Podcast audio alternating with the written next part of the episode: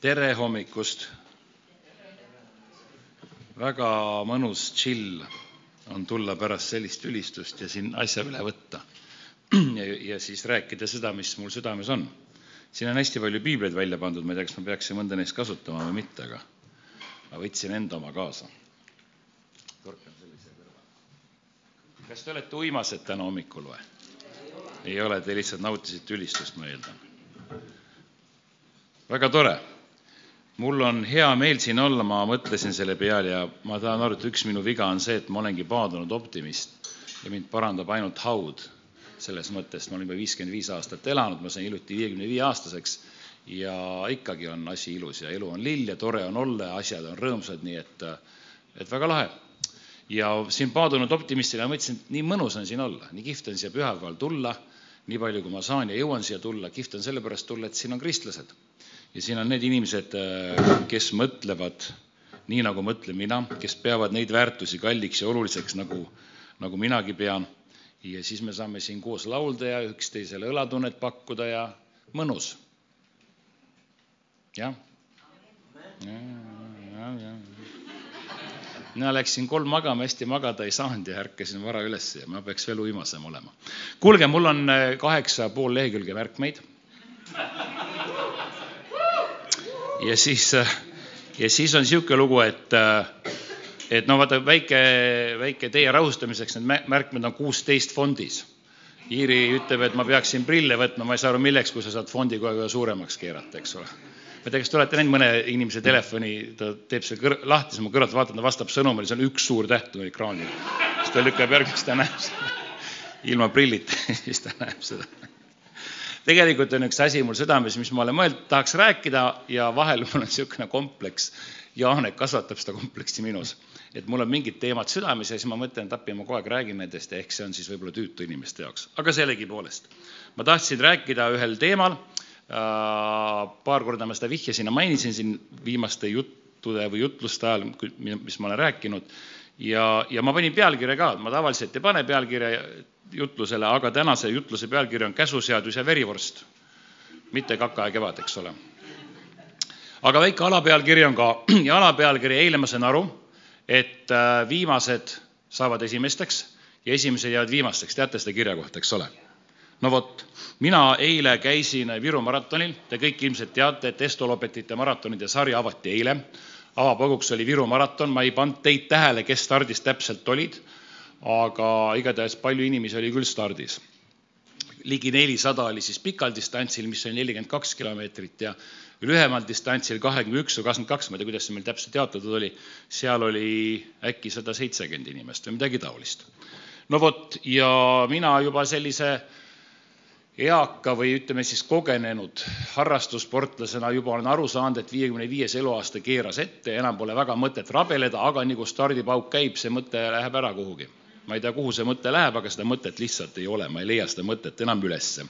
kuigi ma tean ka seda, et viiekümne viiendaks eluaastaks väidetavalt inimene enam ei arene, eriti heal juhul, kui ta on hea vorm, ta suudab oma tulemusi hoida ja kuuekümneselt sa lihtsalt, su lihased hakkavad kärbuma ja sul pole selle vastu midagi sa, sa ei saa seda kuidagi peatada, ehk paar tükki inimest küll tõesti on, kes, kes seal sarjas kaasa ka sõidavad.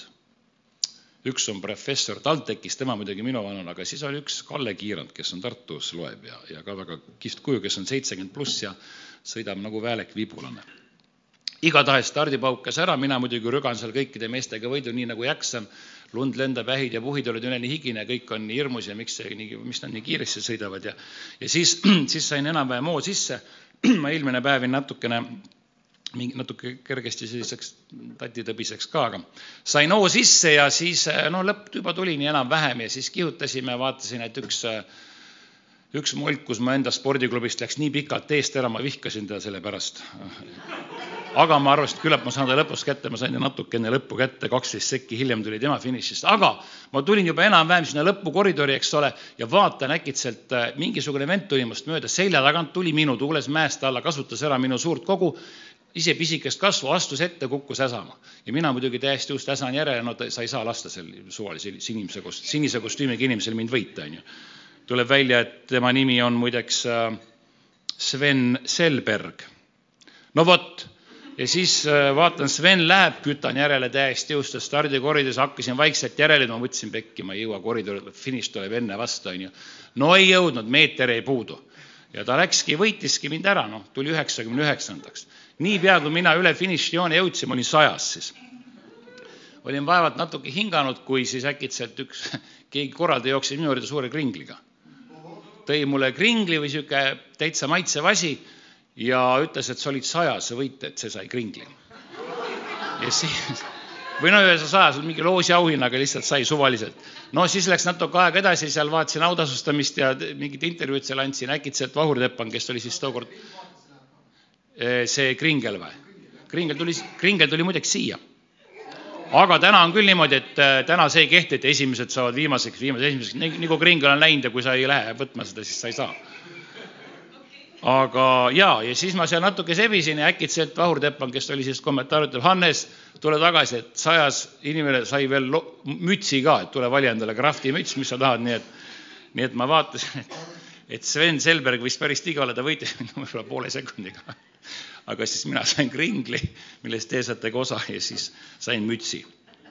see oli lihtsalt väike side story sellest, et esimesed ikkagi saavad, viimased saavad vahel esimesteks mütsi ma ei toonud teile, see enam-vähem sobib mulle ja mul oli niisugust mütsi vaja. mul on ainult seitseteist suusamütsi, mul seda ei olnud veel. musta, musta, musta krahvti mul veel ei olnud. sellist oli mul väga vaja. ja siis Eerik tuli, muideks Eerik sõitis ka, Eerik tuli, ma olen tsipa-nohune ja niisugune tõbine. Eerik tuli ja äh, kõige paremaks äh, lavakuntsi kateedri äh, sportlasena või tuli finišisse viiendana ükski teine isegi ei võistelnud, nii et ta oli kõige parem lavakate suusataja. aga Eerik oli ka hammasveres, ta oleks võinud kolmandaks tulla, aga ta jäi jokutama natukene. Eerik, kes on või? Eerik on Ermaküla, minu poeg. ma ei tea, või, võib-olla olete kuulnud lavakuntsi kateeder ka. ma mõtlesin, äkki panete kaks asja kokku, isa ja poeg käivad koos suusamaratonil ja siis, aga okei okay., ühesõnaga Eerik Hermaküla, te olete näinud, kuidas? mul on poeg jah, ja mul on teine ka, näed, teine istub seal taga. vaatab vales suunas, aga see vaatab teisele poole. kuulge, aga tõsiselt, äh, mida kristlane tohib teha, mida ta ei tohi teha? ehk siis mille läbi me ennast identifitseerime või mis meid maailmast eristab, pigem on see küsimus. Ja ma olen tähele pannud, et see iga mõne aja tagant tuleb üles ja see oli ka minu jaoks selline suur suur küsimärk, kui ma hakkasin kristlaseks, see oli tuhat üheksasada kaheksakümmend seitse, see oli oktoobrikuus ja, ja siis ma sisenesin kristlikusse maailma ja hakkasin käima koguduses ja, ja puutusin kokku piibliga, palve, palvetamisega, kõige sellega ja siis ma hakkasin oma meeli uuendama, nii nagu Rooma kiri ütleb, et uuendage oma meeled, et saage teiseks oma meelt uuendamise teel. no vot, ja, ja see pani mind mõtlema. Mõni aeg tagasi küsis üks inimene, ma ei mäleta, kes see oli, keegi küsis minu käest, et kas Taevatrepi filmi võiks kristlane vaatama minna taevatrepp on film, kus ma muideks kuulsin, et kas see oli, ma ei tea, kolmekümne, kolmekümnendas vaadatavuselt või midagi taolist. ma mängisin sellises filmis nagu Taevatrepp, mängisin peategelase isa ja, ja see oli Mart Kivastiku film, peategelane oli siis Mait Malmsten, kui ta oli noor, siis mina mängisin ta isa. ja siis keegi Kristeli küsis, et kas kristlane võiks sellist filmi vaadata, seda filmi, on ju. ma ei, ma ei tea isegi, mida vastata. Siis ma ise mängisin, ma tean, et vähemalt kaks kristlast, mina ja siis Rain Simmul või see Indrek Saabul mängisid seal, on ju, nii palju kui mina tean, Indrek on ka kristlane, vähemalt kaks kristlast seal mängisid, eks ole, et ma ei tea, sama, samas on seal üks paljas naine, keegi kindlasti ütleb kurat seal kõva häälega, et vot ma ei tea, kas nüüd kristlane tohib sinna vaatama minna või, või ei tohi seda vaatama minna, eks ole. aga meil on alati selline, meil on ikkagi tekivad küsimused meie subkultuuris, et mida siis tohib teha, mida ei tohi teha. tegelikult see miks see asi mul taas üles tuli, miks ma sellest tahan rääkida, on see, et hiljuti ma tegin intervjuu, üleeile tegin intervjuu Gunnar Kotieseniga, kelle, kelle Karmeli kogudus või kelle juhitav Karmeli kogudus, ta on siis vanempastor seal, teeb ikka aeg-ajalt imelikke asju. ma ei tea, kas te olete tähele pannud või mitte.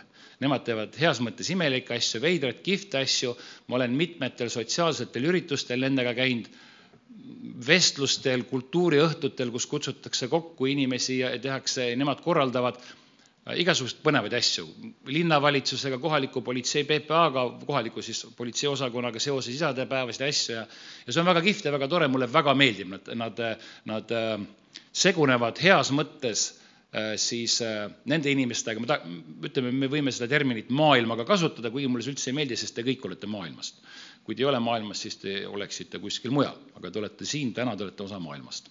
aga anyway, ühesõnaga siis äh, nad on meeldivalt sotsiaalselt nagu, nagu kaasanud ja ise kaasa läinud oma kogudusega äh, siis äh, ühiskonna, kogukonna ellu no vot, ja neil tuleb nüüd väga kihvt asi, ma olin täiesti pöördes sellest, juba enne olin pöördes, ikka olen pöördes ja kui see asi ära lõpeb, olen veel rohkem pöördes. aga niisugune asi tuleb nagu Fonds Fest. Kas teie teate, olete kuulnud, mis on Fonds Fest? no vot, te ei teagi seda. jah, väga hea, et sa küsisid, ma oleks muidu selle osa vahele jätnud ja kohe edasi läinud, aga kuna sa ütlesid, räägi, ma siis räägin ma katsun teid mitte liiga pikalt vaevata täna, võib-olla me jätame pooleli ja teeme teine osa oktoobris. ma ei tea täpselt, ma ei tea, millal ma järgmine millal ma järgmine kord saan tulla. aga, ja ma tulen ikka varem ähm, ja Fons Vest on niisugune huvitav asi, Karmeli kogudus saab saja kolmekümne aastaseks ja seoses sellega nad tähistavad siis selline aastapikkune või poole aasta pikkune äh, sünnipäeva tähistamine on, üheksas juuni saavad nad sada kolmkümmend üks, siis see saja kolmekümnes sünnipäeva tähistamine läks mööda, sai läbi. ja siis seoses selle, selle, selle suurte pidustuste tähistustega, neil on ka selline asi nagu Fons Fest, mis on teatrifestival. ja nad on äh, siis oma uues koguduses kutsunud viis erinevat teatritruppi, kes siis teevad etendusi. Nende koguduse sees Karmeli uues hoones annavad etendusi. ja mulle see tohutult meeldib, avapauk oli juba ära, avapauk oli Rakvere Karmeli teatri, mis ka Rakvere, Karmeli teatri, Rakvere teatri siis äh, Rakvere teatris oli väga huvitav vestlusõhtu olnud, see oli kuusteist jaanuar. me ei saanud minna, sest me Iiriga olime Viimsis siin ühes teatris parasjagu vaatamas ühte tükki. aga kuusteist jaanuar oli niisugune vestlusõhtu nagu Ära plära ja, ja rääkijateks oli Urmas Viilma äh,, Einike Pilli ja siis oli Peeter Jalakas vist on teatri, Rakvere teatri juht. ja äh, Joonas Ellenurm, siis minu kolleeg vähendas seda, seda, ma nüüd põnevusega ootan hetke, et ma saaks seda järele kuulata, vaadata. aga see oli siis, see oli niisugune avapauk sellele teatrifestile festivalile. Ja idee siis on see, et, et taas esitada küsimusi, panna inimesi mõtlema ja me, eestlased, peame tihti teatrit pühaks, tänapäeval kirikut osad sekulaarsed inimesed nii pühaks ei pea, aga teatrit ikkagi peavad. Ja need kaks asja kokku panna, siis on, on väga kihvt asi, väga super mõte, kihvt mõte. Ja mulle see kangesti meeldib sellepärast, et äh, kui mina väiksena väikse poisina kasvasin, siis see teater oligi minu ümber ja see oli, mina ise ei mänginud kuskil teatritükis, aga see oli naturaalne keskkond, kuhu ma sündisin. see, minu isa käis teatris ja kõik need onud ja tädid, kes meil külas käisid, nemad muudkui käisid teatris ja ega ma tookord saanud aru, mingid onud ja tädid olid. aga pärast ma sain aru, et ma ei tea, üks oli Paul-Eerik Rummo, teine oli Tõnu Tepandi ja siis oli Tiiu Tepandi ja siis oli ma ei tea, Mati Hint ja siis oli äh,, Mati Hint ei olnud, aga see, Mati Unt pigem Inti, Mati Unt ja Vaino Vahing ja mõnedele võib-olla need nimed ütleme, Lennart Meri elas meie kõrval, me käisime seal, me käisime seal äh, mängimas väikse poisina tema kodus ja, ja hiljem ma siis, kui ma hakkasin pilti kokku panema, et aa, see on minu tavaline elu ja, ja see, see, see teatrielu või selles keskkonnas ma mõnes mõttes kasvasin. käisin, siis kui mu ema-isa läksid lahku, käisime hiljem ma mäletan selgelt paari lõbusat lugu, kus ma Maria Avdjuškaga, kes on siis minu poolkasud või mis see õige termin on. Kuidas me mängisime, kuidas me käisime. Lava taga Vanemuises vaheajal käisime seal lava peal mängimas. Ja siis oli vaja, selle etenduse ajal oli vaja enesetapp teha, mitte meil, aga sellel näitlejal. ma arvan, et see oli Madame Butterfly, aga ma ei mäleta täpselt, mis see etendus võis olla. aga me olime selle noa, millega ta selle enesetappu pidi tegema, ära võtnud ja teise sahtlisse pannud ja siis ta, ma ei tea, kammiga või millega seal üritas ennast ära tappa aga anyway, ühesõnaga see oli see keskkond, kus ma üles kasvasin ja siis, kui ma tulin, hakkasin kristlaseks, kaks aastat pärast kristlaseks äh, saamist, ma saan aru, et on erinevad denominatsioonid. on luteri kogudus, on baptisti kogudus, on metodisti kogudus, on nelipühi kogudus ja nii edasi.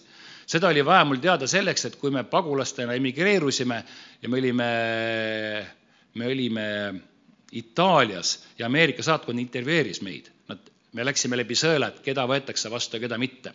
enamus võeti, paar tükki ei võetud ja siis mulle öeldi seal minu sõbrad või need kaaskogudlased, minu koguduse inimesed, kellega me koos välja läksime, ütle neile, et sa oled äh, Pjatni dessjatnik. ma mõtlesin, mis asi see veel on? What the heck is Pjatni dessjatnik, on ju, pentakostal. siis tuli välja, et see on nelipühiline, ma arvan, ma pole teist kunagi isegi kuulnud. aga tõesti, kaks aastat pärast kristlaseks saamist ma saan aru, et mingid, mingid erinevad sektsioonid on nagu erinevad denominatsioonid ja on erinevad kogudused, mina mõtlesin, et üks jumal ja üks kirik ja tore ju, igal pool on, on, on üks ja sama jumal Pjatin Dessjatnik sellepärast või siis äh, nelipühiline sellepärast, et vast meie koguduse liikumine oli kõige lähedasem nelipühilastele, me ei olnud otseselt nelipühilased, aga, mingil moel ja kuidagipidi siis ennast määratleda. see oli see esimene kokkupuude sellega. igatahes mina siis äh, ei teadnud üldse seda, et osad ja minu arust baptistid tuli välja, et teater on, ei olegi nagu väga jumalast. sain hiljem teada, kui ma sain mõne tubli baptistiga tuttavaks ma ei tea, kas te, kas keegi on kunagi sellist taju kuulnud või aru saanud kuidagi, et, et teatrile vaadati viltu, nii üks käsi tõusis. kaks käsi, võite rahulikult käsi tõusta. ja kujutage nüüd ette, te ei pea ise tõusma, aga võite käsi tõusta, tõst-, käsi tõsta, käsi tõusta. jah, ja, ja, ja, ja see keskkond, kus me üles kasvasime ja siis ma äkitselt sain aru, et vaata, ahah, vot seda ma ei teadnudki. teate, millest ma veel hiljem aru sain? ma läksin trenni kolmeaastaselt hiljem ma sain aru, et ka sport pole väga jumalast. ja taas baptistid olid nagu sellel arvamusel natukene. kas keegi on seda tajunud või tunnetanud? no nägite, jällegi, jällegi mõtlesin, et väga, et see on ka väga põnev, sest väiksest peale mina ja mu vend oleme kogu aeg spordiga tegelenud, mu ema ja isa on spordiga tegelenud ja, ja väiksest peale isa kogu aeg. ja siis, kuidas nüüd tuli välja, et see ei olegi hea, et hoopis midagi muud on, midagi muud on hea ühesõnaga, meil on hunnik dogmasid ja veidraid arusaamasi, mis siis, eh, mille järgi me määratleme ennast vahel ja, ja, ja mille alusel me peame ennast võib-olla headeks kristlasteks, mõtleme, et see on nüüd õige Jumala teenimine mulle meeldib kangesti, mida ütles vist Casey Reed, tema on üks jutlustaja, kelle raamatut ma lugesin, mis oli siin meie koguduse algasaastatel ka, et meelte uuendamine. Ja ta kirjutas niisuguse, selles meelte uuendamisest ta, ta kirjutas seda, mis meid eristab või kuidas me peaksime Jumalat teenima, mis see mõistlik Jumalateenistus on, nii nagu Rooma kaksteist kaks ütleb. aga tema hiljuti ütles ühes podcast'is, mida ma kuulasin, et, et me kristlastena, ma, ma kordasin seda siin ka, et me kristlastena defineerime ennast tihti selle läbi, mida me ei tee ja ta ütles, mina küll ei taha ennast kristlasena defineerida, et ma olen, ma olen õige mees, ma ei joo, ma ei suitseta, ma ei vaata naisi, ma ei löö naabri koera jalaga ja ma ei viska prilllauda aknast välja. ja et, et see nüüd on, see teeb minust hea kristlase. pigem ma mõtlesin, et see Casey Reed sõnastas selle väga hästi, pigem ma mõtlen, et ma identifitseeriks selle, mis ma teen, mis mind eristab, mis, miks ma teistsugune olen, ma üritan andeks anda, ma üritan mitte, kui siniste juustega naine suvel mind läbi sõimas ja näppu mulle näitas, ma suutsin talle naeratada, muud mitte midagi lehvitada, onju. tahaks lihtsalt näppu vastu näidata, talle jalaga tagumikku anda. no mitte päris, ma ei mõtle seda, jalaga tagumikku oleks andnud, näppu oleks küll vastu tahtnud näidata ja läbi sõimata lihtsalt. aga, aga mis mind siis eristab, on see, et ma suutsin endale kratist kinni võtta, maha rahuneda ja mõelda, et kuule, sa oled kristlane, inimesed teavad, rahune maha, proovi nüüd teistsugune olla. et mis mind äh, mis mind siis identifitseerib, on see, et ma, ma ei tea, ma üritan aidata inimesi, kus ma iganes saan, ma üritan andeks anda, ma üritan mõista, ma üritan kaasa tunda, ma üritan äh, hea, ma üritan abielus olla. kolmkümmend kaks aastat on see mul õnnestunud. tänu Jumalale, absoluutselt. see ei õpi ka, see naine, ma olen kolmkümmend kaks aastat õpetanud, teda ikka pole ära õppinud. ma kolmkümmend kaks, ma kolmkümmend kaks aastat proovin veel ja siis jaa, aga mis meid siis, äh, mis meid siis äh, eristab või mis, mis poolest, mida me võime teha, mida me ei tohi teha ja kust see käsuseadus sisse tuleb, see oli minu jaoks suur küsimus. kaheksateistaastasena, kaheksakümmend seitse, kaheksakümmend kaheksa, kaheksakümmend üheksa, kui ma olin beebikristlane, kui me sellist terminit võime kasutada, et, et kuidas ma peaks elama, mida ma võiksin teha, mida ma peaksin tegema, mida ma ei peaks tegema. ja ma isegi üritasin läheneda niisuguse küsimusega kord ühele jutlustajale, kelle nimi oli Vappu ma ei tea, kas te mäletate, mõni võib-olla mäletab, Heigo mäletab, Vapput, võib-olla mõni veel, Vappu käis meie koguduses, ta oli, ta oli niisugune prohvetlik and, ta, ta, ta, minu arust ta hiljem käis Mardi koguduses ka valguse tees ja, jah. aga Vapp oli lahe kuju ja ta mees käis meil kaheksakümne seitsmendal aastal seal ja ma kord küsisin ta käest, et kuule, mida ma siis pean tegema ma tahan, mul oli lõplikult üle visanud, ma olin tagasi tulnud taas Jumala juurde, vahepeal ma käisin ära, siis ma tulin tagasi no ma ütlesin, et no mida, kuidas ma siis elan, ma tahan elada, okei okay,, okei okay,, no okei okay,, jumal, ma elan siis sina jaoks, mida ma siis tegema pean, sest sinnamaani ma olin teinud igasuguseid asju, aga ma tundsin, et ma ise ei suuda seda teha, et ma kukun läbi ja, ja asjad jäävad poolikuks. ma tulen selle juurde nüüd tagasi, selle vastuse juurde, aga võib-olla ei tule ka. ma vaatan, kui ärkvel te ja teravad te olete. kui ma hakkan lõpetama, te, kas, kui see küsimus jääb ülesse, siis te küsite, kui ei, siis ma teen seda järgmine kord. igatahes mis siis, äh, mis on jumalast ja mis mitte? jah, äh, see teatri asi tegi mulle lihtsalt nalja, ma ei osanud selle kohta A-dega O-d öelda, ma sain väga hästi aru, et ma ei ole kuradist ja kui osad inimesed mõtlevad, et teater on kuradist, las nad siis mõtlevad, aga teater on teater, eks ole, see on mu keskkond, see on mu ema ja see on mu isa ja see on mu tädid ja onu mängis mul teatris ja nii edasi. Et ma ei oska öelda, sporti ma olen ka terve elu teinud, ma kuidagi ei tundnud, et ma olen nüüd vähe rohkem patusem näiteks kui Heigo.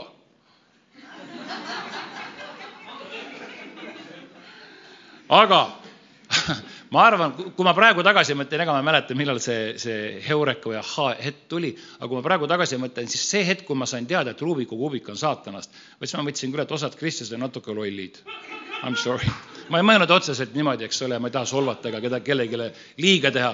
Rubiku kuubik, öeldi, et see oli ka, minu arust, minu arust ma, ma võin eksida ja ma ei, mulle, ma jumal, ma jumaldan, jah, ma võin öelda, ma jumaldan, ma armastan Olevist, ta on kihvt kirik, see on suur, väga tähtis osa on temal. Sellel kirikul, jumal on seda kirikut ja rahvast kasutanud kõvasti selleks, et, et, et Eestimaal kristlus liiguks. aga minu arust sealt tuli ka see indikaator ja informatsioon, mu ema käis seal ja siis ma sealt kuulsin igasugu huvitavaid asju, et Rubiku kuubik on ka saatanast. jah, Harry Potter, vot see on juba, see juba läks, siis ma juba ei saanudki, siis see oli juba, see oli juba nii möödanik, et selleks ajaks ma, ei, ma hankisin informatsiooni mujalt aga Rubiku kuubik on saatanast, ma, ma ei, ma ei oska öelda, miks, võib-olla seepärast see lihtsalt mõni kristlane vihastas, pastor vihastas, sa ei suutnud seda kokku panna. esimese klassi õpilane pani rutt kokku ja siis see keerab, keerab ja no ma ei tea. ma ei tea, ma, ma, ma ei tea, kust see tõlgendus tuli, eks ole, aga ma mäletan seda lugu, eks ole. siis ma tean ka seda, et see tele te,, TV pidi olema ühe silmaga, teemana vist oli ka saatanast jõulukuusk ja no vot sellega on ka räägitud ja, ja verivorstid ja nii edasi. siis ma vahepeal kuulsin ühel hetkel, et kui sa võtad Beatlit, kristlaste seas räägiti, kui sa võtad Beatlit, teate Beatlit oli üks niisugune bänd on ju. ma saan aru, et mingi generatsioon on peale sündinud, kes ei tea, et oli olemas ansambel Beatlit, Beatles mm. -hmm. jah, no vaata, mõni ei tea enam. ja siis on väga kurb, ma sain sellel hetkel vanaks, kui ma saan aru, et üks mu koguduse liige ei tea niisugust bändi nagu Jess. Kuidas sa seda ei tea? aga kristlaste seas leikus niisugune jutt, et kui sa võtad biitide kasseti või teibi, paned tagurpidi mängima, sealt tuleb saatanlik sõnum välja. LP või? vinüüli paned tagurpidi mängima, ma mõtlesin, et kasseti, ma mõtlesin, kuidas sa üldse saad kasseti tagurpidi mängima panna. et kui sa paned vinüüli tagurpidi mängima, et siis sealt tuleb saatanlik sõnum esile. Jah, vot ma ei osanud seda öelda, ma mõtlen, et, et kui nüüd tõesti Beatlesid tahavad äh, saatanlikku sõnumit levitada, miks nad siis, keegi ei kuule ju tagurpidi plaati, et sa pidi ka edaspidi kuulama. Nad pidavad siis edaspidi mängimises selle peale panema, aga siis ma olin, äh, me lõpuks jõudsime, me olime pagulased, eks ole, emigreerunud Nõukogude riigist, siit oli musulist poliitilised pagulased Itaalias. Itaalias oli üks kihvt vend koos meiega põgenenud, oli Fred Kuldvee, kes käis siin palju kogudustes ringi aitas hästi palju Vene ja Ukraina nelipühilasi. ta oli KGB poolt niisugune kergelt tagaotsitav, aga jälgiti teda. ja, ja, ja siis kirikutest oli ta natukene, tal oli Kenneth Hageni sõnade kohaselt left foot fellowship antud ehk vasaka jalaga vasaka jalaga tagumikku. ühesõnaga, aga, aga ta oli kihvt vend, ta oli, ta oli natuke vaimne autoriteet minu ajaks, mul ei olnud äh, isa mul selleks hetkeks polnud, kasuisa ka polnud ja ta natuke mingil hetkel oli minu elus selline vaimne autoriteet. ja Fred oli siis äh, äh, Itaalias ja me molutasime, natuke käisime tööl, aga natuke molutasime ja me olime koos kuskil seal mere ääres teiste eestlaste juures, kui mu vend ja ema hiljem järele tulid ja seal oli punt meid, ma ütlesin, et kuulge, mängiks jalkat. ma vaatasin, eestlasi on natuke vähe rannas ja siis tuli, seal oli hunnik Ukraina nelipühilased, võtaks need kutid ka. Aga Fred ütles, nad, nad ei tule. ma küsisin, miks nad ei tule, sest et see jalaliigutus on liiga kiire nende jaoks, nad ei tohi seda teha. ja ma saan aru, et Fred natuke naari, natuke irvitas, samas ta ise teenis neid inimesi ja, ja aga selle, nende asjade läbi ma mõistsin, et me, meil on mingid veidrad dogmad, mida tegelikult pole päriselt olemas. Jaanek käis, Jaanek Kuussis käis samal ajal nende Vene nelipühi, Ukraina nelipühilastega koos palvetamas iga palvekoosolek lõppus, lõppes sellega, et vennad andsid üksteisele pühasi suudluseid. Janek, kes oli meie elusõnast, kus kohas tema polnud harjunud, et pärast meie koosolekut me käime läbi, mehed eriti, ja suudleme üksteist kõiki. ja siis Janek vist natuke talus, tema käest peab küsima, kuidas see edasi läks, ma ei tea. ühesõnaga, on erinevad kultuurid, on erinevad subkultuurid ja hunnik välja mõeldud imelikke asju, mida kristlased mõtlevad välja ja üritavad selle läbi Jumalat teenida, millel tegelikult pole Jumala teenimisega palju pistmist. ja me tekitame endale tohutu hunniku vaeva, me vahel häbivääristame või häbistame või, või naeruvääristame, võib-olla oleks parem sõna iseennast, eh, siis nende inimeste eest, kes ei ole kristlased, igasuguste veidrate tegevuste, asjade ja käskudega ja mõtleme, et me oleme jube tublid. me teeme kõik, eh, kõik asjad õigesti ära see prill-laua lugu, et hea kristlane on see, kes ei joo, ei suitseta, ei, ei vaata naisi, ei löö koera jalaga, ei viska prill-lauda aknast välja. ma Gunnariga just, kui me selle saate tegime, see saade on nüüd konapeal eetris, mõttekoda on siis see konapäev, mis tuleb, on eetris um,. Gunnar ütles, tema vaatab kogu aeg oma naist et selles mõttes ta ei ole nagu see õige kristlane, kogu aeg vaatab. ta, kusjuures tal on tütreid ka, mingi õudne posu, on ju. vaatab kogu aeg neid, neid naisi kodus vist tal on kolm tütart, üks poeg, on ju, kaksikud ja siis vanem tüdruk ja ja, ja kunagi ammu oli meil üks koguduse liige, me käisime lööktöö korras koos tema juures, siis aitasime tal, ma ei tea, kas keegi siin on, kes, ma ei tea, Heigo, kas sina olid või? Äh, me aitasime tal korterit puhastada, elas seal Kopli tänaval, ta sai mingi korteri, aga see oli väga vana ja, ja, ja sodine. ja me aitasime siis seda korterit puhastada ja viskasime hunniku asju aknast alla, akna all oli muru peal suur hunnik, eks ole, et pärast viime selle ära. ja siis äh, ja mina kangutasin prilllaua lahti, viskasin õudse kaarega toa teisest otsast täpselt sealt aknast välja, lendas nagu lendav taldrik. vahepeal tegi niimoodi, kui ta lendas. selle ma panin ise juurde ja selle peale see meie koguduse liige, vend, kes praegu käib teises koguduses, ütles, et kuule, et kristlane ei tee niimoodi. ma ütlesin, vot, et üks, üks kristlaseks määratlemise osa on see, et sa ei viska prilllauda aknast välja. aga meil on igasuguseid mõtteid ja asju, arusaamusi, mida see kristlane teeb ja mida ta ei tee. no ma olen juba mingi kakskümmend viis minutit rääkinud. mul esimesest lehest pool on tehtud uh, kui ma sain kristlaseks, siis äh, minu, minu üks sõber ja, ja, ja kursusekaaslane oli väga mures ja tema siiras mure oli see, see kursusekaaslane ostis ikka veini, õlut, me ikka jõime siis tookord. aga tema oli niisugune vend, et ta ostis tohutu hunniku, äh, ma ei tea, kas sa mõtled välja, kellest ma räägin, Heigo või mitte, aga ta ostis tohutu hunniku kuldrinetti, niisugust rõvedat nõukogudeaegset peeti. ja ta, tal ei olnud seda kuhugi panna, et vanemad ei näeks teda, ta peitis klaveri sisse ära, tal kodus oli Lasnamäe korteris klaver ja siis ema kogu aeg ütles, et ta, miks sa ei ärrita oma klaverit, onju. siis ta kogu aeg nihverdas sellest mööda, ta ei saanud, sest see oli veini täis topitud, see klaver, see oli see väike seina ääres piano, onju. Ja tema siis suurim mure, kui ta sai teada, et kuule, et ma käisin koguduses, ma, ma sain kristlaseks ja ma seletasin talle, et ma olen uuesti sündinud, ta ütles, et ma ei saa sinuga enam õlut juua ju. ja see oli tal niisugune siiras tõsine mure. ja mina ei isegi mõelnud selle peale ma olin nii rõõmus, et ma sain kristlaseks, ma ei saanudki aru, et ma ei saa enam õlut juua, vähemalt tookord, kui ma sain, Kristus ei öelnud mulle seda, et thou shalt not drink beer anymore. ei pidanud, vot.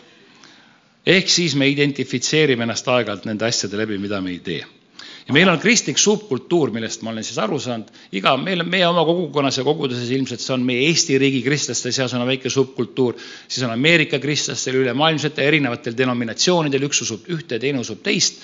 Ja, ja see aeg-ajalt tekitab segadust ja vaeva inimestele. Ja kui sa selle läbi üritad Jumalat teenida ja, ja siis see lihtsalt ei tööta sinu jaoks või, või, või see ei ole jumala teenimine. mul on, mul on tegelikult nii palju märkmeid, sest mul on hästi palju kirekohtasid ja ma nüüd hakkan lugema neid kirekohtasid. ehk me aeg-ajalt kristlastena ajame sassi, et mis on see, mida jumal tahab ja mis on see subkultuur ja mida me tegema peaks, mida me teha võiks, mida me teha, teha tohime, et see on selline minu jaoks oluline küsimus. Markuse seitse ja peatükk üks ütleb, et ja kui variserid ja mõned kirjatundjad, kes olid tulnud Jeruusalemmast kogunesid Jeesuse juurde, nägid nad mõnda tema jüngritest pühitsemata, see tähendab pesemata kätega leiba söövat. variserid ja kõik juudid söövad ju alles siis, kui on kamulatäie veega käsi pesnud, kuna nad peavad kinni esivanemate pärimustest ma ei tea, kas te olete käinud Iisraelis, aga seal on need, kui sa lähed kuhugi restorani sööma ja käsi pesema, seal on mingisugune tops, millel on kaks sanga. ja siis sa pesed käe ära, võtad ühest sangast ja siis, sest see sang on juba puhas, ma pole täpselt süsteemist aru saanud, mul läheb alati sassi tavaliselt joon sealt, mitte päris. aga see, et siis sa ühest valad käe peale, teisest valad ja kuidagi mul natuke läks süsteem sassi, aga see on juudi komme, et nad pesid siis, äh, pesid käe, äh, käed enne söömist ära. see on ka hea komme. kui natuke oleks hügieeninõudeid järgitud näiteks äh, katku ajal Eestis, mitte Eestis, Euroopas, siis palju vähem inimesi oleks surnud, kui nad ei oleks solki otse tänavale visanud ja nii edasi ja rotid kinni püüdnud ja muud värgid. aga variserid ja kõik juudid söövad ju alles siis, kui on kamulatäie veega käsi pesnud, kuna nad peavad kinni esivanemate pärimusest. ja kui nad tulevad turult, siis nad ei söö enne, kui on käsi loputanud ja on palju muud, mida nad on võtnud pidada, mida nad on võtnud pidada. karikate ja kausside ja katelde ja lavatsite, ma ei tea, mis on lavats, aga see on kandilistes sulgudes. aa, õigus, pesemist, nad pesevad voodi, juudid pesid voodeid. väga kihvt. kindel Heigo või? No see on see, kus sa leba, lebad peal, see on õigus. ja variserid ja kirjatundjad küsisid Jeesuselt, miks sinu jüngrid ei käi esivanemate pese, pärimuse järgi, vaid võtavad leiba pühitsemata kätega. ehk siis nemad olid aru saanud, et kui sa võtad leiba äh, pesemata kätega või pühitsemata kätega, see pesu oli ka see rutiin, see oli lihtsalt see, et hügieeniliselt puhtaks, see oli mingi väike rutiin neil või väike traditsioon, puhastuse traditsioon, eks ole, et kui sa sööd leiba sellega, siis sa eksid Jumala käsu vastu miks nad siis teevad seda, võtavad leiba pühitsemata kätega, sest õige on võtta pühitsetud kätega ja kui sa teed seda pühitsemata kätega, sa eksid Jumala vastu, sa ei, sa ei ole õige. ja siis Jeesus ütles selle peale, kui hästi on teist silmakirjatsejad teist ennustanud Jesaja nõnda, nagu ta on kirjutanud. see rahvas austab mind huultega, nende süda on aga minust kaugel. Ilmaaegu nad teenivad mind, õpetades õpetusena inimeste käskimisi. Te jätate kõrvale Jumala käsu ja peate inimeste pärimust. ja vot need pärimused on meie seas ka ringi liikumas.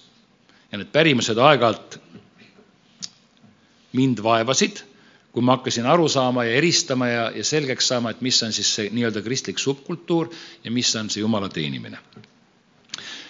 Nii et äh, Jeesus ütles neile otseselt, et ilmaaegu nad teenivad mind või kasutades siis Isaaia sõnu, ta juba profeteeris selle, Isaaia vist oli seitsesada aastat enne Jeesust või viissada, ma ei mäleta, vist oli seitsesada ma lugesin need aastad, aga ma enam ei mäleta, ma olin nii väike uh,. hulk aega enne seda juba ütles, et, et nad teenivad mind õpetades õpetusena inimeste käskimisi. inimesed on need välja mõeldud, inimesed käsevad neid ja, ja see siis selle kaudu üritaks Jumalat teenida. kord oli mul üks tore vestlus ühe sõbraga, ma olen sellest vast rääkinud ka jälle, aga kuna te olete kõik selle ära unustanud, siis ma räägin uuesti. mina ei unusta seda, aga te unustasite ära. ega te ei tea, millest ma rääkida tahan? ahah, ei ma tean, ülejäänud on ära unustanud, aga mul oli hea sõber, ma pole nüüd tükk, tükk aega nendega kokku puutunud, ma ei tea, mis neist on saanud, aga üks abielupaar. ja, ja siis ma vahel vestlesin selle, nemad olid ameeriklased ja, ja, ja kristlased ka, nad aitasid meid meie teenistuses ja nad olid ka Kreeka Tomata piiblikooli abi, abiks seal ja, ja meil oli niisugune vestlus, tema niisuguse korraliku ameeriklasena, korralik ameeriklane, korralik kristlasest ameeriklane ei käi kinos muid filme vaatamas, mille reiting, mitte nagu, mille piirang, kuidas me ütleme, mitte reiting, aga piirang on see, et seal on kirjutatud PG või PG kolmteist. PG tähendab parents guided, iga filmi juurde on väike märge juurde tehtud, nii nagu meil tänapäeval on märge juurde tehtud, kas seal on laktoos sees või seal ei ole laktoosi sees, kas seal on gluteen sees või seal ei ole gluteeni sees või näiteks, kas on alkoholivaba viin või on viinaga viin nii nagu need märkmed olid, onju. ma ootan, alkoholivaba vein on, alkoholivaba õlu on, ma tahaks näha, kui keegi tuleb alkoholivaba viinaga ja nagu müügi aitamine näiteks, et ma ütlen, Selveris ja igal pool need on olemas, aga ja ühesõnaga selle sõbraga me rääkisime siis, et, et, et tema tundis, et noh, Ameerika kristlikus teatud kultuuriruumis oli teada see, et korralik kristlane käib ainult vaatamas, kas PG või PG kolmteist. PG kolmteist tähendab parents guided thirteen ehk siis äh, vanematega koos, sa pead olema kolmeteistaastane, siis vanemate nõusolekul või vanematega koos. Sa lähed sinna, võid sinna kinno minna. järgmine oli vist R oli see reiting või, või see piirang. Ja see on juba restricted, see tähendab seda, et seal võib olla kellegi paljas tagumik, seal võid poolt rinda näha, seal keegi ütleb mitu korda MF, ma ei saa vist seda siin kõvasti, kõvasti öelda, vanasti ütles F, nüüd ütlevad MF, igasuguseid muid asju, on ju. ja, ja ja ühesõnaga, siis on seal vägivalda ja tapmist natukene ja, ja seda kristlane ei vaata. Ja siis on veel, siis on veel X-rated. seal vist on täitsa, sa võid näha alasti naist, võib-olla isegi alasti meest, ma ei tea, või alasti koera, ah. Vot osad koerad, neil ei ole karvu, osad kassid ja koerad. kassid on siuksed, muideks koeri on siuksed. aga, aga siis, siis meil oli vestlus see ja see pani mind imestama natukene, ma muigasin ma ei irvitanud, sest et on tore kutt ja, ja ta on, ta on, on, pole küll suhelda, aga ta on, on meeldiv, me, me saime hästi läbi. aga ma mõtlesin, et näed, et, et nad teenivad Jumalat selle läbi, mida mingisugune sekulaarne seltskond on määratlenud, mingid piirjooned paika tõmmanud ja nemad täidavad neid piirjooni ja sellega teenivad Jumalat see on umbes nii, nagu sa eh, selleks, sa teenid Jumalat sellega, et sa oled kell üksteist ei, sega öörahu. et kui me seda ei tee, siis on väga, sest meie kogukond on niimoodi otsustanud, eks, et kümme ja kaksteist vist on öörahu segamine. et kui ma nüüd kella kümne, laupäev, pühapäev, kuidas see oli? reede, laupäev? Ma ei tea, ühesõnaga ärge siin, kui te olete siin, ärge kisage, eks ole, kui te olete pärast ühte-teist siin, nagu me oleme. et, et me, me teenime Jumalat inimeste paika pandud reeglite järele ja siis me, meile tundub, et nüüd me oleme head kristlased, kuna me niimoodi teeme Need käsuõpetus ja prohvetid ja seadused, Jeesus ütles veel ühe kihvti asja, mis mind on vabastanud ja mind on aidanud. ta ütleb, et mina olen tulnud, see on Matteuse viis seitseteist. ma, ja see ma lihtsalt tegin kokkuvõtte või lühendasin seda. mina olen tulnud käsuõpetust ja prohveteid täitma ja tänu Jumalale. Me nii tihti vahel üritame seda täita ja sa ei suuda seda kahjuks kunagi täita. Kristus tuli ja täitis selle ära, lõpetas selle ära, tuli uus leping, ütles, et armasta Jumalast, Jumalat kõigest oma südamest ja ligimest nagu iseennast selles käsus on kokku võetud need muud käsud ja kui sa armastad Jumalat ja ligimest, siis sa pead ka neid igasuguseid muid käske, aga see, kas sa pesed, pesemata kätega võtad jäätise või viineri või ei võta, see on irrelevantne natukene. Hea oleks, kui sa pesed käed ära, kui on koroona, siis oli hea, kui sa pesed käed ära ja nii edasi, on ju. põhimõtteliselt on hea, kui sa pesed käsi ja kui sa ei pese, siis, siis ega sa ei lähe kohe põrgu. võib-olla homme, aga täna ei lähe. isegi kui sa pesemata kätega sööd viinereid, haigeks sured ära, sa ikkagi lähed taevasse aga Apostlite teod viisteist on veel üks nii pikk lõik, mille ma teile ette loen ja, sest kringel, ma, ma, ma peangi rääkima, seda pole, toitu pole toodud. see on ka üks asi, mis ma noore kristlasena avastasin ja mis äh, mind väga vabastas. ma natuke joon. aga, aga Apostlite teod viisteist, kui te selle leiate, see on piiblis.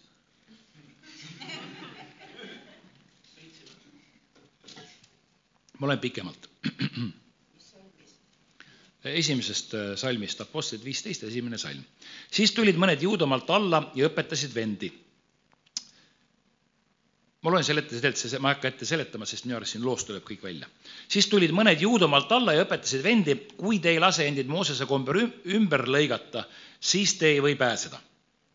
et sellest tuli tüli ning Paulus ja Barnabasel oli nendega palju vaidlemist, siis määrati nii, et Paulus ja Barnabas ja mõned muud nende seast lähevad selle küsimuse pärast või selle tüliküsimuse pärast Jeruusalemma apostlite ja vanemate juurde. Siis kogudus saatis nad teele ja nad läksid läbi Foiniikia ning Samaaria ja jutustasid paganate pöördumisest, tehes selle sõnumiga suurt rõõmu kõigile vendadele. kui nad Jeruusalemma saabusid, võtsid kogudus, apostlid ja vanemad nad vastu ja nemad kuulutasid kõike, mida Jumal oli teinud nende juures. aga mõned variseride hulgast kes olid saanud usklikuks, tõusid üles ja ütlesid, neid peab ümber lõigatama ja käskima pidada Moosese seadust. Ehk siis uss oli selles, et Kristus hakkas levima juudamaat ja juudi kombe, kombepiirangutest kaugemale. sinna, kus juudid ei olnud ja inimesed said päästetud, inimesed said vabaks, nad rääkisid mitmeid imetegusid, nagu siin jutt on. ja, ja siis ühel hetkel variserid, kes äh, olid seal Jeruusalemmas, ütlesid, et see ikkagi ei ole õige, nad peavad käsku täitma, nad peavad ennast ümber lõikama. kui sa ümber ei lõika, siis sa kristlane ei ole. Ja siis Jumalal pole sinust kasu. ümberlõikamine oli juutidele, ümberlõikamine ei ole eestlastele, võid lasta ümber lõigata, kui tahad, meditsiiniliselt vist on parem, aga sa ei pea seda tegema. meie enamus ei ole, vähemalt mehed kindlasti ei ole, ma tean, naistest, meestega ma olen saunas tihti, naistega ma olen, ma ei näe. ja see oli juudi komme siis ja nemad hakkasid nüüd ütlema, paganatele kuulutati Kristust, nad ütlesid, et kuulge, te peate ennast ümber lõikama, te peate neid kombeid täitma, mida meie, kui te neid kombeid ei täida, siis te ei ole õiged. ja sellest tekkis suur segadus. Apostlid ja vanemad tulid, tulid nüüd kokku ja seda kõike arutama. kui siis sündis palju vaidlemist, tõusis Peetrus ja ütles, mehed-vennad, te teate, et Juudamaal, et Jumal, vabandust, et Jumal on juba ammusest ajast valinud mind teie seast, et minu suu läbi paganad kuuleksid evangeeliumi sõna, evangeeliumi sõna ja saaksid usklikuks ja südametundja Jumal on nende eest tunnistanud, andes neile püha vaimu nagu meilegi. Ja ei ole teinud mingit vahet meie ja nende vahel, olles usu läbi puhastanud nende südamed. miks te siis nüüd kiusate Jumalat, soovides panna jüngrite kaela iket, mida ei ole jaksanud kanda ei meie isad ega meie?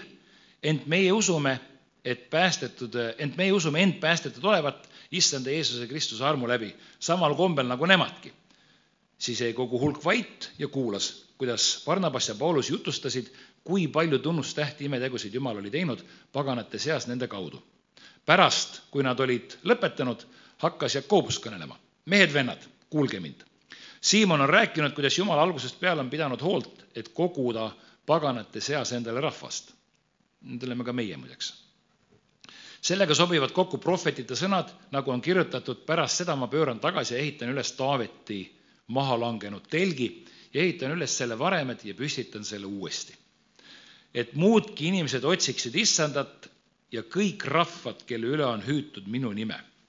meie siis, siin täna praegu. nii ütleb issand. seepärast otsustan mina, et neile, kes paganate seast pöörduvad Jumala poole, ei valmistataks raskusi, vaid neil tuleb kirja teel teada anda, et nad hoiduksid. kes teab millest? Üheksakümne seitsmenda aasta tõlge ütleb ebajumalate rüvedusest ja pilastusest ning lämbunud loomadest ja verest. kui ma tuhat üheksasada kaheksakümmend üheksa kristlasena lugesin, mõtle, mis ebajumalate, mis, mida. muidugi siis ma lugesin kuuekümne kaheksanda aasta tõlget.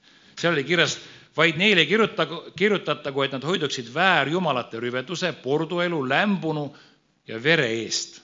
sellest ma ka väga hästi ei saa aru, ma mõtlesin, mis need väärjumalad, kust pist, pistmist, kes see lämbunu veel on ja mis, mis, mis, mis see asi nüüd kõik täpselt on, aga natuke koitis ka, natuke oli see põnev. laiendatud tõlge, mille ma hiljem kätte sain, ütleb, et nad võiksid hoiduda liha eest, mis on ohverdatud ebajumalatele. meie, kui ma üles kasvasin Nõukogude Liidus, meil ei olnud väga palju neid eh, ebajumalatele ohverdatud liha. kuskilt ei saanud osta ebajumalatele ohverdatud liha. hakkliha oli ka tavaline, ei olnud ebajumalatele ohverdatud. tere, Janek! ma tulin sajandaks seal Viru maratonil. vaatasin väga siis ta ütleb, et vere söömise eest laiendatud tõlge, see on juba arusaadav, eks ole. siis ta ütleb, et ja vere söömise juures sulgudes ebajumala teenistustel, lämbunud loomade söömisest, sellest ma saan aru. kui keegi kägistab lehma ära, siis ei tohiks teda süüa. sest minu arust ma olen nüüd, ma lähen täiesti libedale jääle, kas loomal pärast tapmist tuleb ruttu veri välja lasta, et seda, et see liha ei läheks raisku, mis iganes, aga kui sa leiad mõne ära kägistatud lehma näiteks, hakkad teda sööma, siis see ei ole hea. Sa jääd haigeks aga piiblis ütleb ja kolmas ja neljas väga selge asi on see, et seksuaalse ebapuhtuse eest. veel üks huvitav tõlge, mis on New Century Version, ma pole nüüd seda tükk aega teinud, ma tunnen ennast tõelise Reema piiblikooli õpetajana, kes vaatab seitseteist piiblitõlget läbi ja igast ühest tsiteerib ühe lõigu, lõigu. alg, ei alg, alg, mis, mis, kuule, kui King James, kui, kui King James oli good for me, tead isegi, see sobib mulle ka. kui King Jamesi tõlge sobis Apostel Paulusele, sobib mulle ka, algtõlge selle asemel peaksime neile kirjutama, ütleb siis see uus teine tõlge, peaksime neile kirja kirjutama, milles räägime, hoiduge ebajumalatele ohverdatud toidust, mis muudab selle ebapuhtaks, igasugusest seksuaal, seksuaalpatust, kägistatud loomade söömisest ja verest. päris lihtne. kuidas? lihtne ja loogiline. muidugi, muidugi, meil, meil on verivorst, eestlased, noh. meil on nagu tohutu küsimus et kuidas nüüd on, see on ka nii naljakas, kui ma tulin tagasi USA-sse, siis ma sain aru, et üks, üks noh, niisugune üks suurimaid küsimusi Eesti kristlaste seas, ma teen, ma natuke olen irooniline, eks ole, on see, et kas verivorsti võib süüa või ei või. ja kui võib, kas keskelt või otstest võib süüa, kuidas see on täpselt? ja, ja mina alati mõtlen, et huvitav, kui sa sööd liha, seal on ka veri sees ju tegelikult reaalselt. ja nii edasi aga ma ei anna teile vastust, kas verivorsti tohib, te peate võib-olla Peetruse käest taevaväravast saate vastuse. Te teate, et Peetrus on taevaväravas, küsib teilt küsimusi ja siis saate sisse või mitte. üks küsimus on see, et mis on su lemmikvärv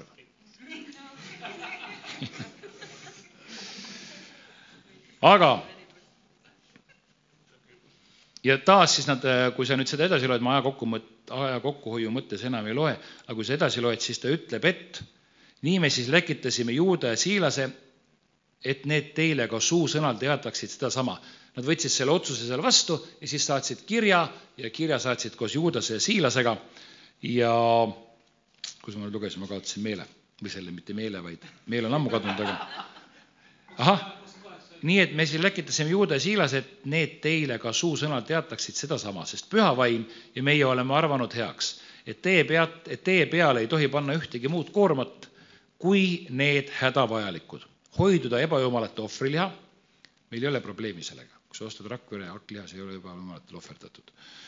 hoiduda ebajumalate ohvriliha, vere ja lämbunu söömise ning pilastusest, no porduelust või, või seksuaal, igasugusest seksuaalpatust, nagu siin lahti siis tõlgendati.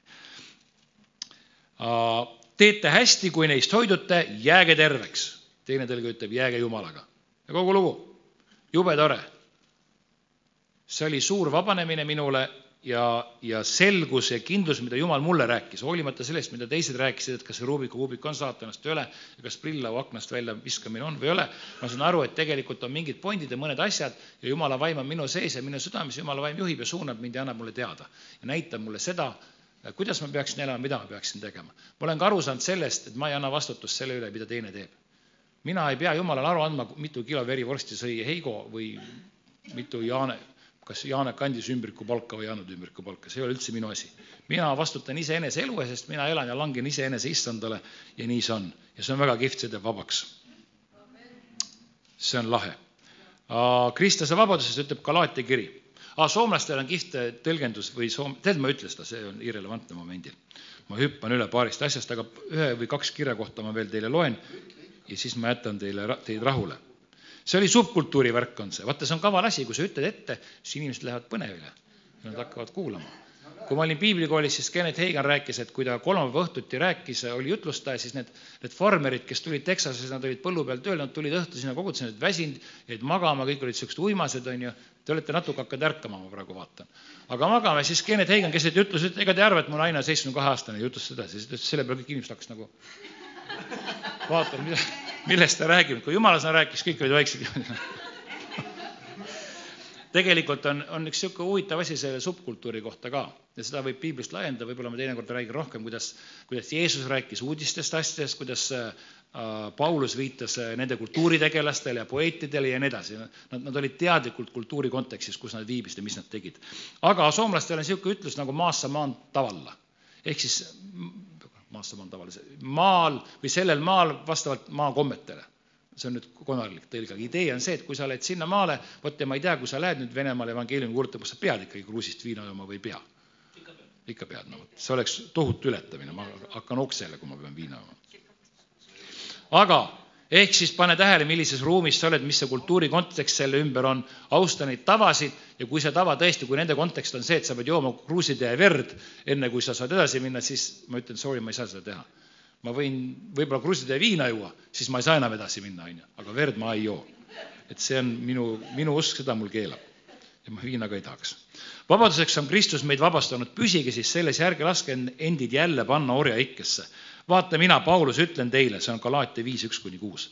vaata, mina, Paulus, ütlen teile, kui te lasete end ümber lõigata, siis ei ole Kristusest mingit kasu ma tunnistan jälle igale inimesele, kes laseb end ümber lõigata, et tema kohus on täita kogu seadust Teie, kes te tahate saada õigeks seaduse kaudu, olete Kristusest eemale viidud, olete armust kõrvale jäetud. Me ootame usust õiguse lootust vaimu kaudu, sest Kristuses Jeesuses ei maksa ümberlõikamine ega ümberlõikamatus, vaid usk, mis on tegev armastuse kaudu. nii et see kombetalitus ei lähe korda. see, kas sa oled ühe, kaks või kolm korda ümber lõigatud, Adidas on kolm korda ümber lõigatud. et see, see, see ei puutu asjasse, need kombetalitused, see usk mis on südames ja see, kuidas meid on õigeks määratud, see on oluline. see on tähtis. see ei tähenda nüüd see, et sul on lihale ajata andev vabadus, et ma teen kõike, ma võin teha mida, mida iganes, on ju. Meil on ikkagi jumala sõna ette antud, meil on oma piirmäärad ja piirjooned, aga miks peaks kellegi südametunnistus mind piirama? ja kui tema suur, kui tema teab, et, et, et kristlased ei lähe R filme vaatama, siis, äh, siis, siis on, ta teeb hästi, kui ta, kui ta seda järgib ja mina teen hästi, kui ma järgin seda, mis, millesse mina usun. kuulge, nüüd on veel üks kirjakoht. oi, siis on kokkuvõte. Ma, ma arvan, kuidas? kes see? ma ei mäleta, millest te räägite. jaa, ma ütlen teile pärast. ma loen ühe kirjakoha veel. ma olen teie aega nüüd kuskil natuke üle poole tunni siin ma ei, ma ei, oota, toitu pole ka laual, ma ikka pean rääkima edasi, ma ei tea, mis see tubli, kas Iiri luges selle kolmkümmend üks äh, õpetussõnad oli või? no vot, see on minu tubli naine. Mitte, ma arvan, et ta sööb seal köögis, tema ja Kaire on köögis. Nad söövad seda kringlit. kui nad teevad sellist nägu, et kringlit ei olegi, on ju, mis, millest te räägite, siis te võite öelda, et ma ikkagi rääkisin sellest. aga okei okay Äh, veel üks huvitav kirjakoht või, või pikem siis lõik piiblist, mis on mind aidanud, see on esimese Korintuse kirjas, peatükk kümme ja salm kakskümmend kolm ja siit edasi. kõik on lubatav, kuid kõigest ei ole kasu. kõik on lubatav, kuid kõik ei ehita kogudust. ärgu ükski otsigu oma kasu, vaid teise kasu. Kõike, mida lihaturul müüakse, sööge. see ei tähenda, et sa pead sööma, sest kui ma tulin Eestisse tagasi, siis oli seajalad ja seapea, seakõrvad ja seasaba oli müügil. ma mäletan, Kennet Kaasik Paidest mõtles välja seitse asja, mida saab teha seatükkidest, niisuguse väikse nalja. et sa ei pea, sa võid süüa, mõte on see, aga sa ei pea sööma. kõike, mida lihaturul müüakse, sööge südametunnistusest hoolimata. Nende jaoks oli see suur asi. Peetrusele Jumal ütles, et söö, verista ja söödele ma ette langesid need loomad, keda juudi kombe kohaselt ei söödud, kes olid ebapuhtad ja ebapühad. ja Jumal ütles, et söö. Peeter ütles, et ei söö. Jumal ütles, söö. Peeter ütles, et ei söö ja nii edasi, natuke aega vaidlesid, aga Peet-, Peetrus sai aru, et see on Jumala märk talle ja selle läbi paganatele Jumal andis oma armu ilma, et nad oleks ümber lõigatud või, või nad oma pesemata kätega sööksid või ja mis edasi, ehk siis kui keegi uskmatust kutsub teid, ai, südametunnist hoolimata, sest issanda päralt on maa ja selle täius. kui keegi uskmatuist kutsub teid ja te tahate minna, siis sööge kõike, mis teile ette pannakse, südametunnist hoolimata aga kui keegi teile ütleb, see on ohvriliha, siis ärge sööge selle inimese pärast, kes tegi märkuse ja südametunnistuse pärast. et mina ei räägi sinu, vaid teise südametunnistusest, sest milleks peaks teise südametunnistust otsustama minu vabaduse üle? kui ma midagi vastu võtan tänuga, miks mind pilgatakse selle pärast, mille eest ma tänan? kas te siis sööte või joote või midagi teete, seda tehke kõike Jumala auks ja ärge olge pahanduseks ei juutidele ega kreeklastele ega Jumala kogudusele. see oli ka üks huvitav asi, millele, mille ma mäletan, Maik kunagi oli üks niisugune tegelane meil, tema juhtis mu tähelepanu sellele, et justkui oleks kolm liigitust, on juudid, on kreeklased ja on Jumala kogudus.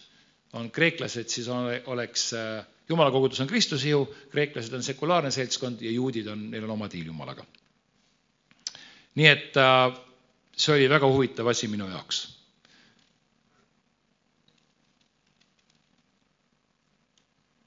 ja siis lõpp on nüüd see.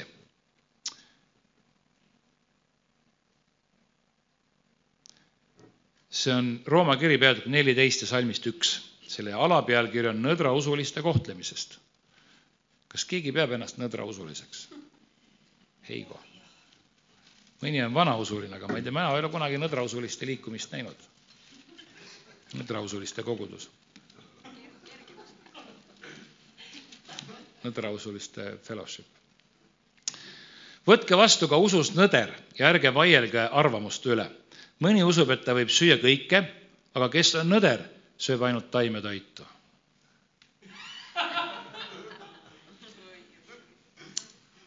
Kes sööb kõike, ärge pangu halvaks seda, kes ei söö. ja kes ei söö, ärgu mõistku kohut selle üle, kes sööb, sest Jumal on tema vastu võtnud kes oled sina, et sa mõistad kohut võõra sulase üle? oma issanda ees ta seisab või langeb, aga ta jääb seisma, sest issand suudab teda püsti hoida. mõni jälle hindab ühte päeva muudest paremaks, ent teine hindab kõiki päevi ühesuguseks. igaüks olgu oma mõtlemises kindel. Kes arvestab teatavat päeva, arvestab seda issandale. kes sööb, sööb issandale. kes tänab Jumalat ja kes ei söö, jätab söömata issandale ja tänab Jumalat.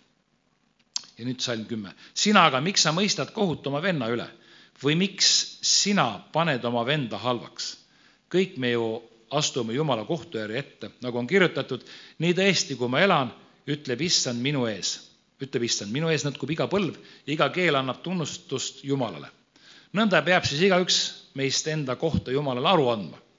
ärgem siis enam mõistkem kohut üksteise üle, vaid mõistkem pigem kohust- või võtkem pigem kohustuseks mitte saada vennale komistuseks või kiusatuseks. ma tean ja olen veendunud issandas, et miski pole ebapuhas iseeneses, vaid on keelatud üksnes sellele, kes arvab midagi keelatud olevat. sellel on see keelatud. Aga kui su vend saab toidu pärast kurvaks, siis sa ei kee enam armastuse järgi. ära saada hukka oma toiduga seda, kelle ees Kristus on surnud ja ärgu olgu teotatav see, mis teie jaoks on hea. ja nüüd jumala riik ei ole söömine ega joomine, vaid õigus ja rõõm ja rahu pühas vaimus. ehk siis Jumalat sa ei teeni selle läbi, mitu sammu sa teed vasakule, kas sa pesed käed ära, kas sa oled, kas sa paned Rubiku kuubiku kokku või mitte, kas sa jood või suitsetad, vaid Jumala teenimine on, Jumala riik on rõõm ja õigus ja rahu pühas vaimus. mina panin seda tähele. nüüd ma jõudsingi sinna. ma õudselt üritasin kristlane olla, kaks aastat üritasin kristlane olla kaheksakümmend seitse sain kristlaseks, ütlesin patusepalve, Hiie kolm, Hubert Jakobsi juhtimisel. sain päästetud, midagi imelikku toimus minus, tundsin ja tajusin ja kogesin midagi teistsugust. mõtlesin, et jess, see on uus asi. käisin natuke koguduses mõned korrad, noh, rohkem iga kord, kui koosolek oli, kui ma sealt tulin, mul oli niisugune tunne, et mu jalad ei puutu maad.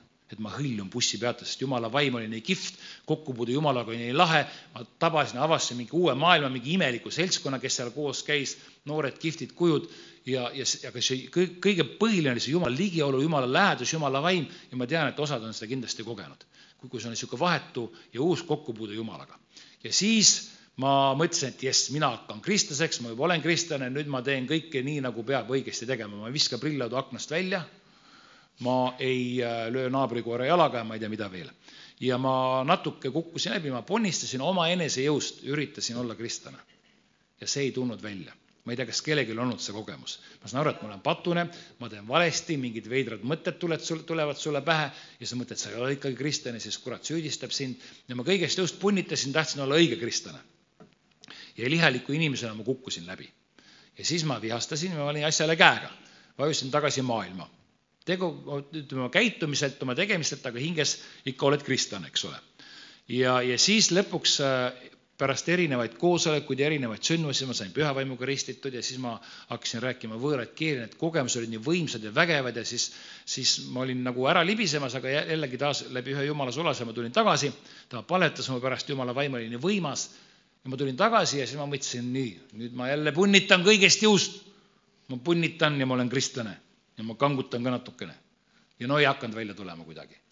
ja siis oli jälle niisugune hetk, et see vapp oli meil koguduses ja, ja niisugune prohvetlik võidmine liikus läbi tema ja jällegi ta palvetas minu pärast ja see oli niisugune hetk, kus ta, kus ta, Jumal juhatas ja näitas talle asju, mis on minu elus ja Jumal rääkis läbi tema, tema, et ma paneksin need asjad maha ja see oli ilmselgelt, ta ei saa neid asju teada, mina teadsin, mis need on, aga ta rääkis need välja, jumala vaim liikus, tarkuse, tunnetuse sõna, mis see iganes on. ma mõtlesin, et oh, jälle ma kogen jumalat, okei okay,, ma panen need asjad maha. okei okay,, okei okay,, ma siis teenin jumalat õudselt, on ju. ja siis see koosolek sai läbi ja ma olin parasjagu läbi omadega. aga Vapp oli veel seal, Raimondi juures mõned inimesed veel ja siis ma ütlesin Vapule, no mida ma siis pean nüüd tegema, okei okay,, ma tahan jumalat teenida, ma tahan olla õige, ma tahan õigeid asju teha. mida ma pean tegema, kuidas ma pean tegema? Ja Vapu niisuguse meeldiva, toreda, armsa naeratusega vaatab mind ja küsib, mis asja. et oota, mida, sa ei pea mitte midagi tegema.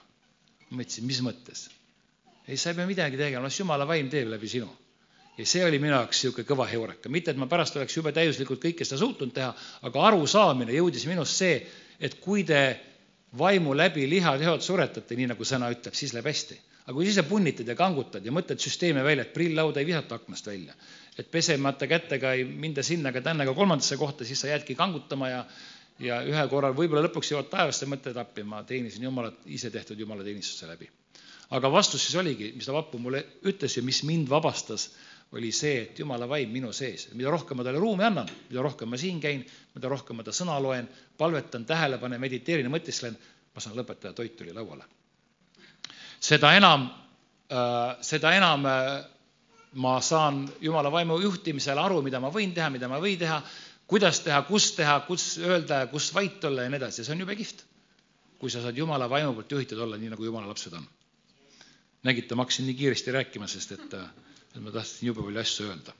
nii et sina teenid oma ise, omaenese issandat, sina langed ja tõused temale, sina annad talle vastust. Jumala vaim elab sinu sees ja selle südametunnistuse läbi, mis tema sinu sisse on pannud, peaksid sa siis elama ja, ja teenima teda ja see on kihvt, see on vabadus, see võib olla igaühe puhul tsipakene erinev. see on äh, vastus siis sellele küsimusele, et kas äh, ja mida kristlane tohib teha, mida ta ei tohi teha. mina tean, et kristlane tohib süüa mm. -hmm. see, see, ma näen seda pätsi, see on seal laual. aga no ma saan aru, et meil on nüüd äh, teated, on või? Kuulge, palvetame ka korra, tõuseme, te olete päris pikalt istunud. minu sõber Andrus Lukas ütles kindlasti, et see on liiga pikk, see jutlus oli praegu. isa, me täname sind sinu armu eest, sinu headuse eest, sinu seaduse eest, sinu sõna eest, selle eest, et sa oled meid kutsunud vabadusse. me täname sind selle eest, et sina arvasid heaks meie juurde tulla, meid enda juurde kutsuda, oma vaimu meie sisse panna, isand. ja sa kutsusid meid olema maailma valguseks ja maa soolaks. ja samas me saame aru, et iseenesest me ei suuda ega oska seda teha ja eksime, aga koos sinuga, sinu sõna ja sinu vaimu läbi eelkõige, isand, me saame pihta, me oleme õigel ajal õiges kohas, me räägime nendele inimestele neid sõnu, mis vaja neil kuulda, sina juhendad meid. anna meile tarkust mitte hukka mõista oma vendasid ja oma õdesid. Ja anna meile tarkust, isand, olla kindlad selle läbi, mida, millesse meie usume ja oma südametunnistuse järgi sinu vaimu juhtimisel käia. isa, me täname sind sinu armu, sinu helduse eest, sinu sõna eest ja sinu selguse eest ja me õnnistame seda toidulauda ka ja seda kringlit, mis ma eile võitsin. amin